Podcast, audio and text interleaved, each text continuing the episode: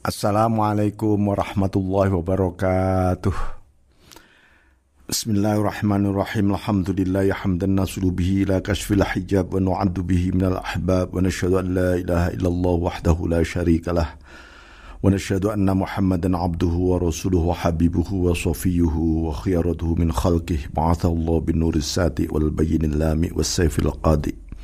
فبلغ الرسالة وأدى الأمانة وأوضح السنة وأسس الشريعة ونصح الأمة وعبد الله حتى هداه اليقين. اللهم صل على سيدنا محمد عبدك ونبيك ورسولك النبي الأمي وعلى آله وصحبه وسلم. تسليما بقدر عظمة ذاتك في كل وقت وحين. أما بعد.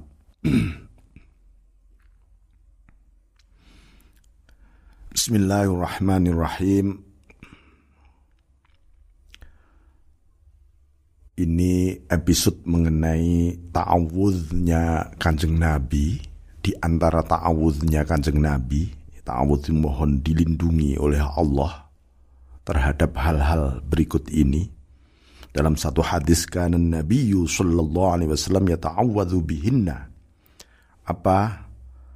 Uh, Allahumma inni a'udzubika minal jubni wa a'udzubika minal bukhli wa a'udzu bika min an uradda ila ardhalil umri wa a'udzu bika min fitnatid dunya wa adzabil qabri jadi ini bisa anda istiqomahkan untuk dibaca di dalam doa-doa Anda. Ini doanya Rasulullah SAW minal maksurat.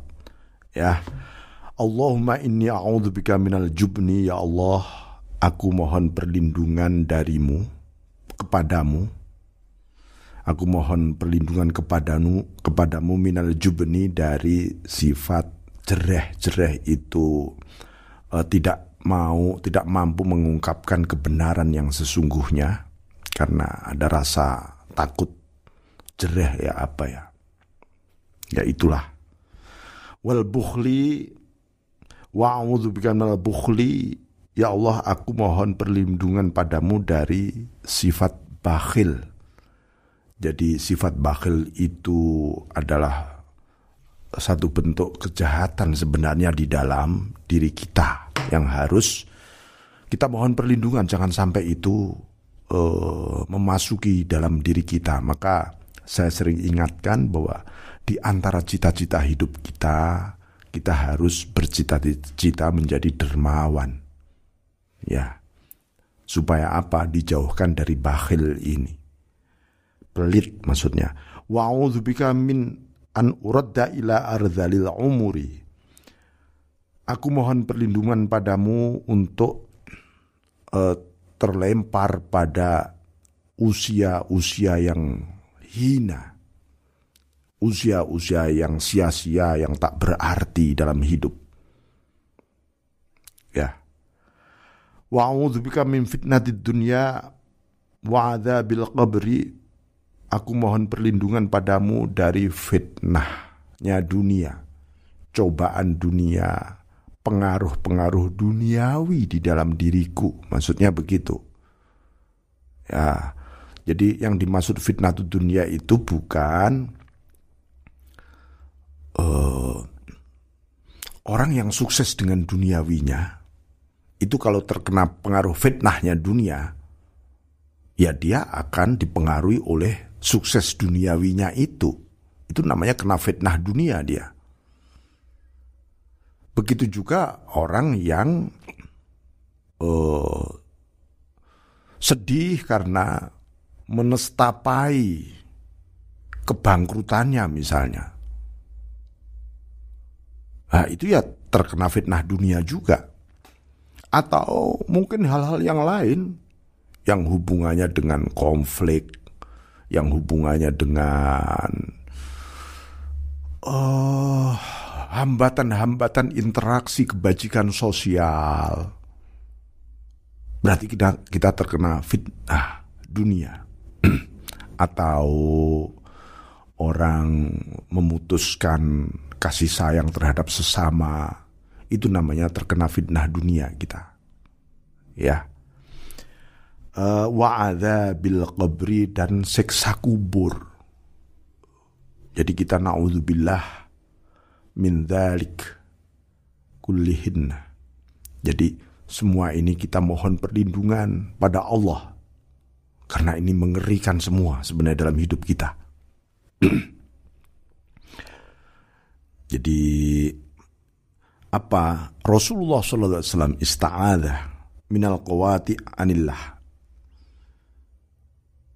Mohon dilindungi untuk putus dari Allah itu loh. Ini penyebab putus dari Allah semua ini. Yang disebutkan tadi. Ya. Al-jubun, al-bukhal, uh, ardhalil umur, fitnah dunia dan adab kubur ini bikin putus kita dari Allah. Dan Rasulullah mohon dilindungi dari itu semua. Jadi itu ya ini adalah satu nilai berharga bagi para arifun. Tidak putus dengan Allah itu tadi. Ya. Jadi maka beliau bermunajat Allahumma wafiqna lima tuhibbu wa tarda. Ya muslihas salihin ya waliyal muttaqin ya dalilal mutahayyirin ya anisal arifin ya arhamar rahimin ya Allah tolonglah kami agar tetap dengan yang kau cintai dan kau ridhoi. Wahai yang memberi kebaikan memperbaiki orang-orang soleh. Wahai wali bagi para muttaqin. Wahai bukti nyata bagi orang-orang yang bingung. Wahai tempat bahagia bagi kemesraan orang-orang arifin. Wahai yang maha merahmati mengasihi, yang paling arhamur rahimin, yang paling maha merahmati. Jadi ini ya hubungan apa? Ini hubungan tentang ridho sebenarnya. Orang itu kalau tidak ridho, biasanya ridho kepada Allah, kepada Rasul, kepada agama ini. Ini kita gampang terpedaya oleh kehidupan duniawi, ya, yang kemudian secara psikologis menumbuhkan sikap-sikap ketidakberanian kita.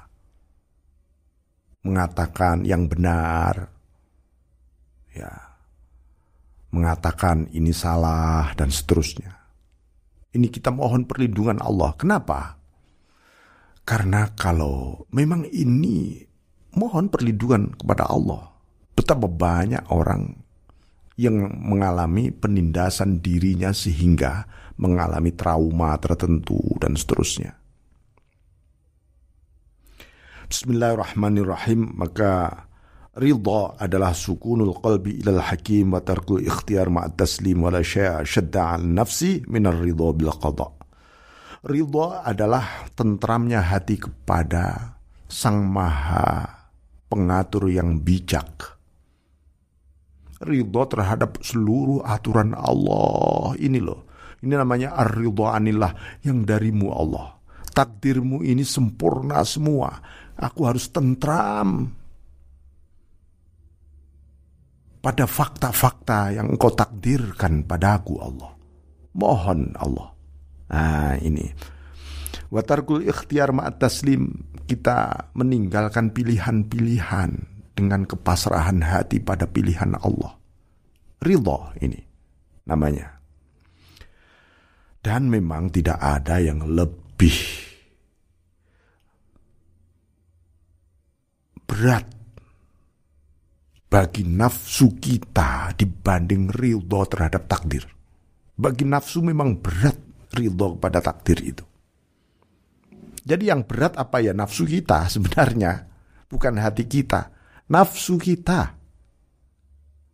Uh, karena apa? Ar-ridha li anna ar-ridha bil qada yakunu ala khilafir ridha nafsi wa hawaha Fuduba li abdin athar ridullah ta'ala ala ridha nafsih. Jadi karena ridho terhadap ketentuan Allah itu kontra sebenarnya terhadap selera atau ridho nafsu kita.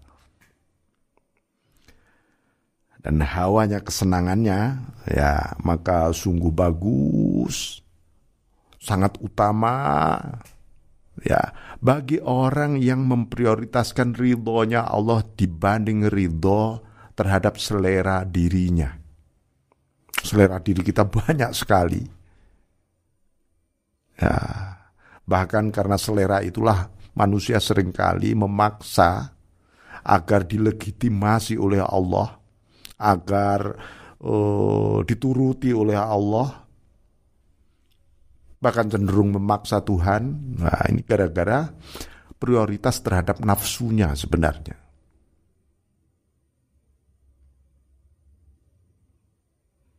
Bismillahirrahmanirrahim.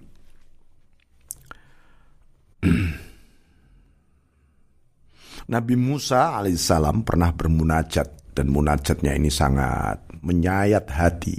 Ilahi, oh Tuhan, tani bil kalam walam tukallim basharan qabli fadulluni ala amalin analu bihi ridak. Faqala Allah ta'ala ya Musa ridai angka ridaka biqadai. Tuhan engkau telah memberi spesial kepadaku dengan berbicara. Makanya Nabi Musa disebut kalimullah. Bahkan belum pernah engkau bicara kepada manusia sebelum aku. Maka tunjukkanlah kepada amal kepadaku ini. Sehingga aku meraih ridhomu Tuhan. Nah ini. Maka Allah menjawab, Ya Musa, ridhoku kepadamu adalah ridhomu terhadap ketentuan-ketentuanku. Nah itu. Itu yang disebut kalau kita kepengen aku ini diridhoi enggak ya oleh Allah. Ya kalau kita ridho kepada yang ditentukan oleh Allah. Ya, bagaimana dengan keburukan-keburukan yang menimpa kita. Ya kita harus ridho. Maksudnya keburukan itu soal enak dan gak enak biasanya. Tapi bagaimana dengan perilaku buruk? Apakah kita harus ridho? Nah ini ya maksiat misalnya, apakah kita harus ridho? Terhadap larangan-larangan Allah, seluruh larangan Allah itu pasti tidak diridhoi oleh Allah. Seluruh perintah Allah pasti diridhoi oleh Allah. Bagaimana kalau kita terlanjur maksiat? Harus dibedakan. Ya, antara amar, perintah, larangan, dan kehendak. Bahwa kita yang sudah terlanjur berdosa ini juga tak lepas dari kehendak Allah. Tapi itu bukan perintahnya Allah. Itu larangannya Allah. Jadi bagaimana? Ya Allah, aku ridho dengan kehendakmu menakdirkan aku maksiat yang sudah berlalu tapi aku tidak akan ridho terhadap larangan-laranganmu yang ada di depanku. Yang sudah, ya sudah. Siapa tahu itu caramu Allah. Membuat aku lebih dekat kepadamu. Orang yang melakukan tindak kriminal, akhirnya sangat bertobat kepada Allah. Karena dan semakin dekat dia dengan Allah setelah melakukan crime itu. Saya sering sampaikan tentang Nabi Adam alaihissalam berdosa dan berdosanya di surga lagi. Wah itu sangat sangat berdosa diturunkan ke dunia dia ridho. Ya Allah, aku ridho terhadap takdirmu menghendaki aku berdosa dulu. Tapi aku tidak ridho sebenarnya terhadap tindakanku melawan laranganmu di surga itu. Nah begitu. Nah ini ini soal hakikat dan syariat. Ya syariatnya Nabi Musa tidak ridho terhadap larangannya. Artinya gini, larangan Allah ya sesuatu yang tidak diridhoi oleh Allah dari dia sendiri juga tidak ridho. Tapi terlanggar akhirnya oleh dan terlanggar itu kehendak Allah. Maka Nabi Musa mengambil perspektif hakikat. Ya Allah, terima kasih Allah. Kehendakmu, kehendakmu menakdirkan aku berdosa itu adalah sempurna. Itu adalah caramu membuat aku lebih dekat dengan engkau.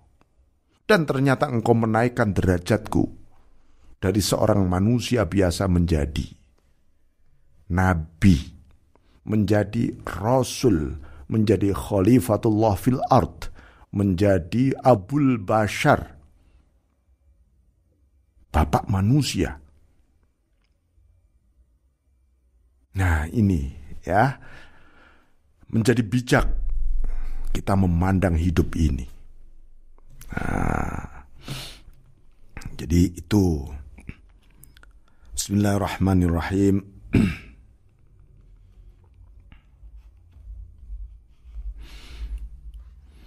Suatu ketika di dalam satu ada riwayat dalam sebagian kitab-kitabnya Allah ya. Bahwa Jibril alaihissalam sedang turun ke bumi dia melihat kepada seseorang uh, apa yang disebut sebagai atharus sakinah memiliki ketentraman ridho luar biasa dari seseorang ini. Ahli ibadah ini. Maka dia usul kepada Allah ya Rabb ma ahsana hadzal rajul Betapa bagus ini lelaki. Tapi dijawab oleh Allah, Ya Jibril undur ila smih fil lawhya, fi asma'i ahli nar.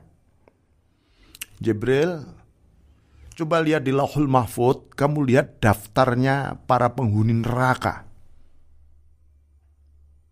Jangan-jangan ada ini nama orang yang kamu puji-puji ini. Faqala ilahi mahada Faqala ya Jibril inilah us'alu amma af'al wa annahu la yablughu ahadun min khalqi ilmi illa bima syi'tu. Jibril protes, Tuhan, ini apa-apaan Tuhan? Kok orang ini ada di dalam daftar ahli neraka? Hei Jibril, aku tidak bisa ditanya tentang apa yang aku lakukan. Ya, dan tak satu pun seorang hamba mampu melampaui pengetahuanku kecuali atas apa yang aku kehendaki. Ini bikin Jibril bingung ini. Faqala Jibril ya Rabbi ata'dhan ata'dhanu li an ukhbirah bima ra'aitu. Qala lakal idh fahabita Jibril wa akhbarahu bihali fa kharra ar-rajul sajida. Jibril minta izin Tuhan kepada Tuhan, "Ya Allah, bolehkah aku memberi kabar orang ini bahwa dia ini ahli neraka?" Kasihan Tuhan, kasihan Jibril. Sudah ahli neraka tapi dia baik, dia ahli ibadah. Baik, kamu saya izinkan kata Allah. Jibril pun turun dan memberi informasi kepada orang ini tentang kondisinya bahwa dia ini ahli neraka. Tapi apa yang terjadi malah orang ini sujud syukur. Sujud syukur alhamdulillah katanya. Wah, ini kontroversial ini orang ini. Itu ya. Wa kana yaqulu lakal hamdu ya maulaya ala qadaika wa qadarik hamdan ya'lu hamdal hamidin wa yazidu ala syukri syakirin. Apa bunyi pujiannya ketika dia sujud?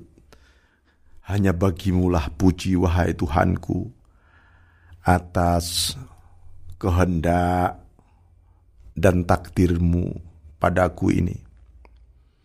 Sebuah pujian yang melampaui pujian orang-orang yang memuji dan lebih dibanding syukurnya orang-orang yang syukur Tuhan. Bayangkan ini.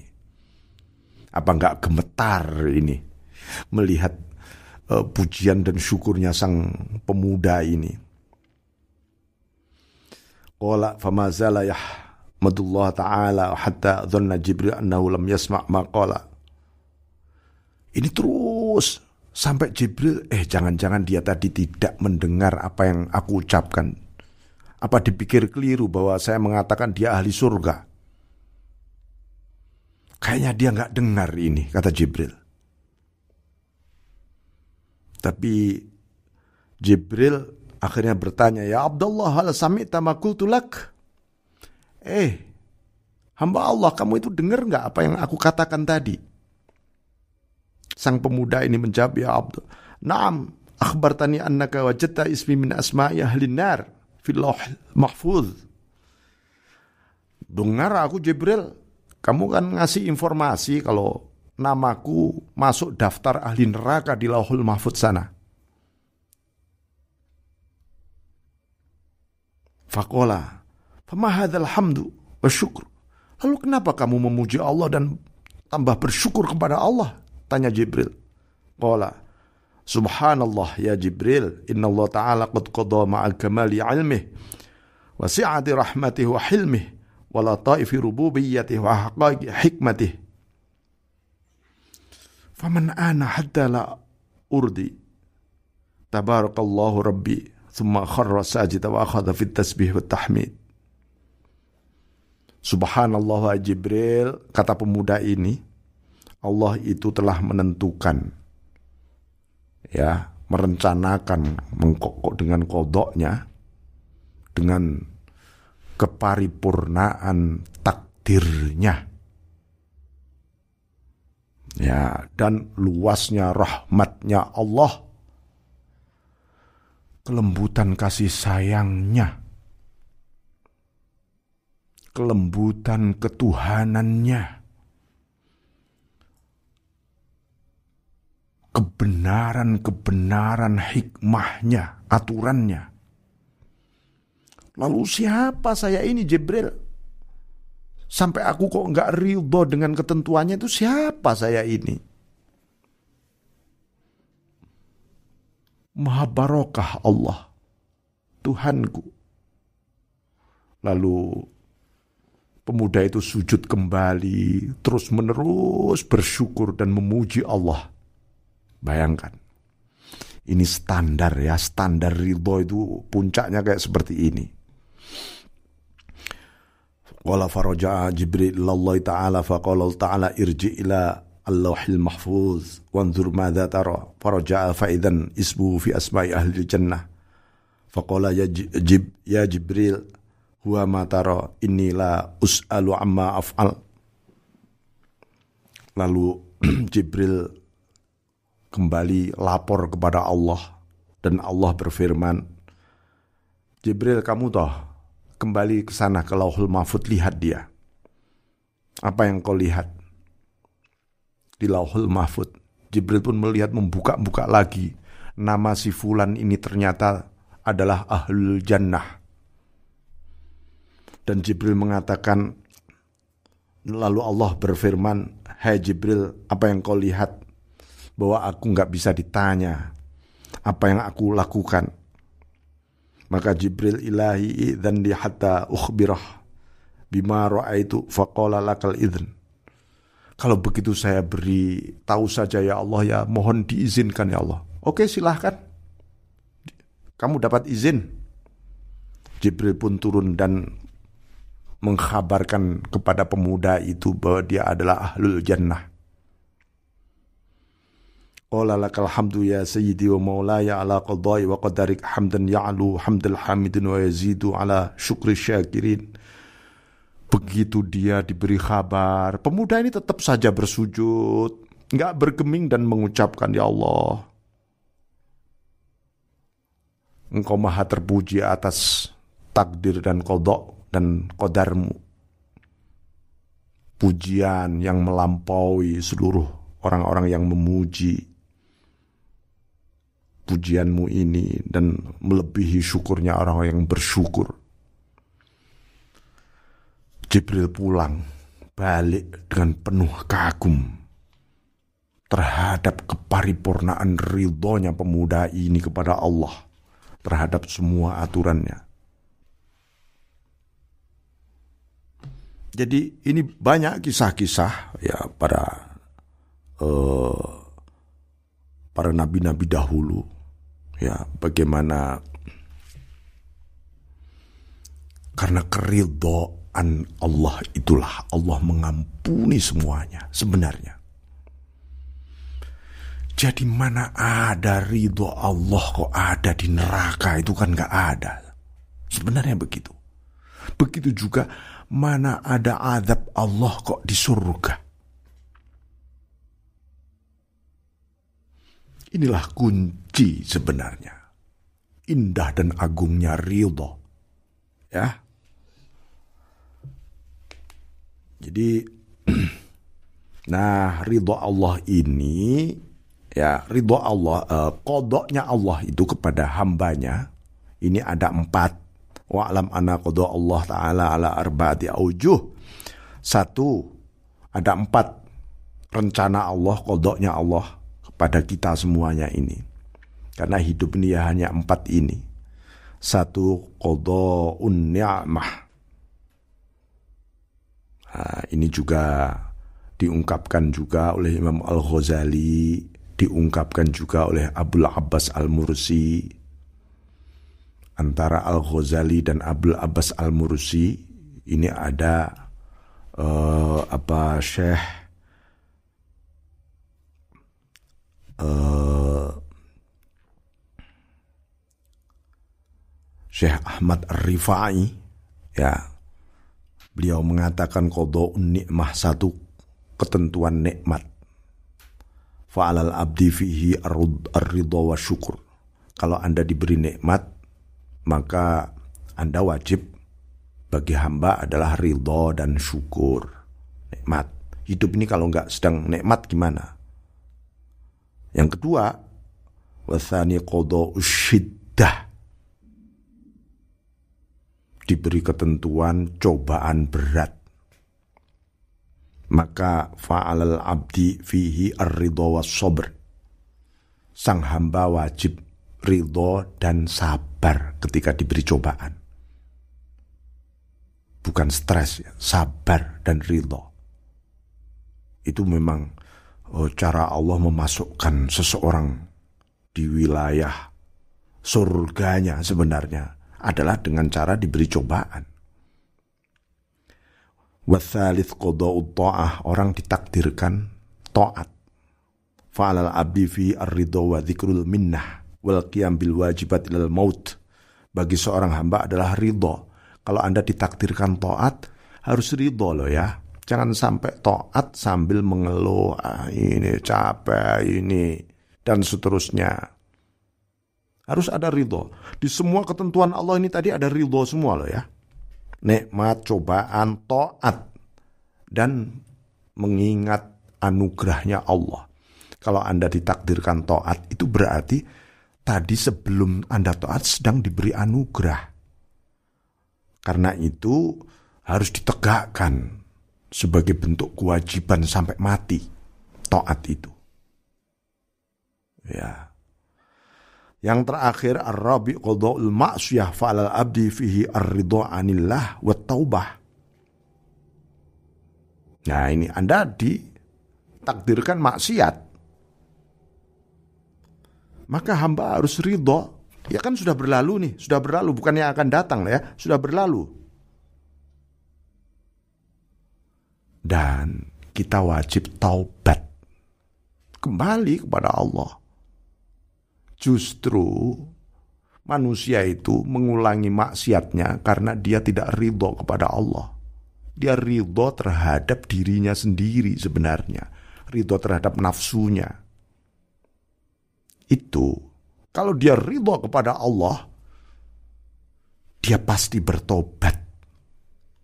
Pasti bertobat. Bismillahirrahmanirrahim. Uh, suatu ketika ada pertanyaan